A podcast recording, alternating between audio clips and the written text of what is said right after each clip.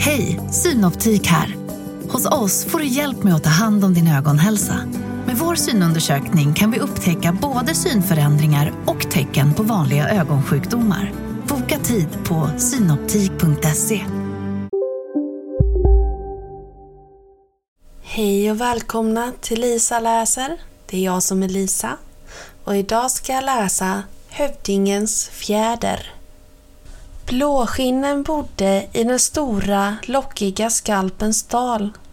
De jagade bufflar, tämjde vilda djur och till stor förtret för sina grannar rödskinnen vägrade de att begrava stridsyxan. Deras hövding, Snavande, minken, var varken snäll eller klok, men han kände på sig när någonting skulle hända. Så en morgon när han vaknade såg han att solen hade ett vitt skägg. Men det var ju bara ett moln. Men Snavande minken sa till sig själv Gudarna har talat. Och samma kväll samlade han alla krigarna. Det har blivit dags för mig att dra mig tillbaka, sa han. En ny hövding bör utses. Den som kommer hit till vårt läger med en fjäder från den svarta örnen blir utsedd. Mullvadsögat och Lilla Regnet beslöt sig för att vara med. Ingen av dem var en duktig krigare. När det gällde att skjuta brukade Mullvadsögat, som var närsynt, vända ryggen mot fienden. Under striderna brukade man skicka iväg honom på en promenad med Lilla Regnet som alltid grät för minsta lilla. Det var faktiskt genant. När mötet var slut och tuppen hade hälsat den nya dagen begav sig alla blåskinnen beväpnade med pilbågar och yxa till berget på vars topp den svarta örnen hade sitt näste.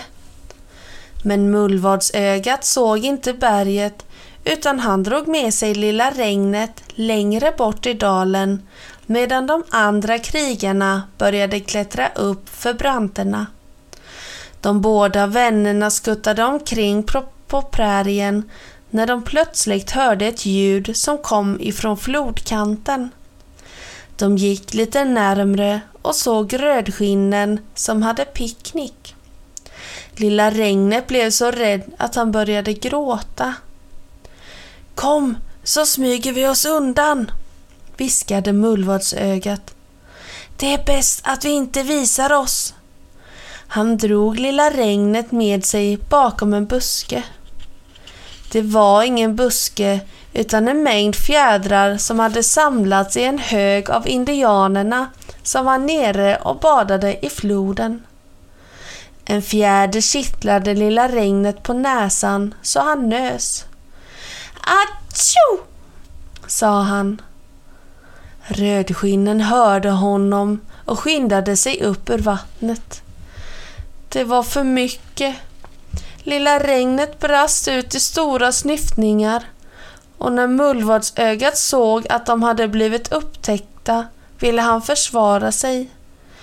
Men han fick tag i sitt paraply istället för yxan.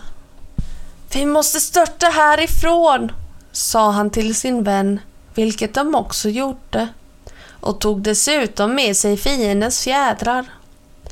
De andra tappra blåskinnskrigarna hade under tiden tagit sig upp på bergets topp. Örnen blev skrämd när han hörde deras skrik och lämnade sitt bo. När han flög sköt krigarna pilar efter honom och han sårades. Så gott det gick seglade han ner mot dalen och där nere såg han två djur som sprang. Titta, tänkte han. Strutsarna har kusiner. Kanske de kan hjälpa mig. Med hjälp av sina yttersta krafter dök han rakt ner mot de båda varelserna som inte var några andra än Mullvadsögat och Lilla Regnet. Han föll ner framför deras fötter.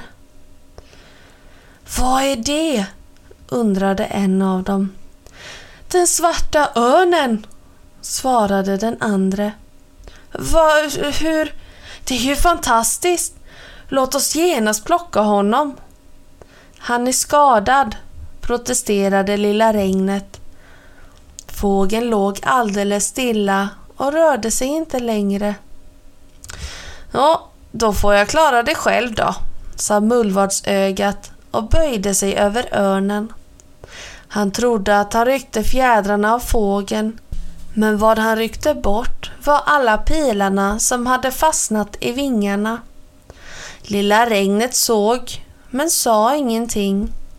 Och när det var klart gjorde han i ordning ett omslag av blad och lade på fågelns sår. Då vaknade fågeln upp. I det ögonblicket kom rödskinen som hade förföljt mullvadsögat och lilla regnet. De båda vännerna trodde att de var förlorade när de plötsligt märkte att de tappade kontakten med marken. Paraplykryckan hade fastnat i örnens ben och nu flög han med sina räddare hängande under sig. Efter en liten tur upp mot himlen landade han på toppen av ett högt berg. Han vände sig till sina räddare och sa Ni är ena konstiga fåglar.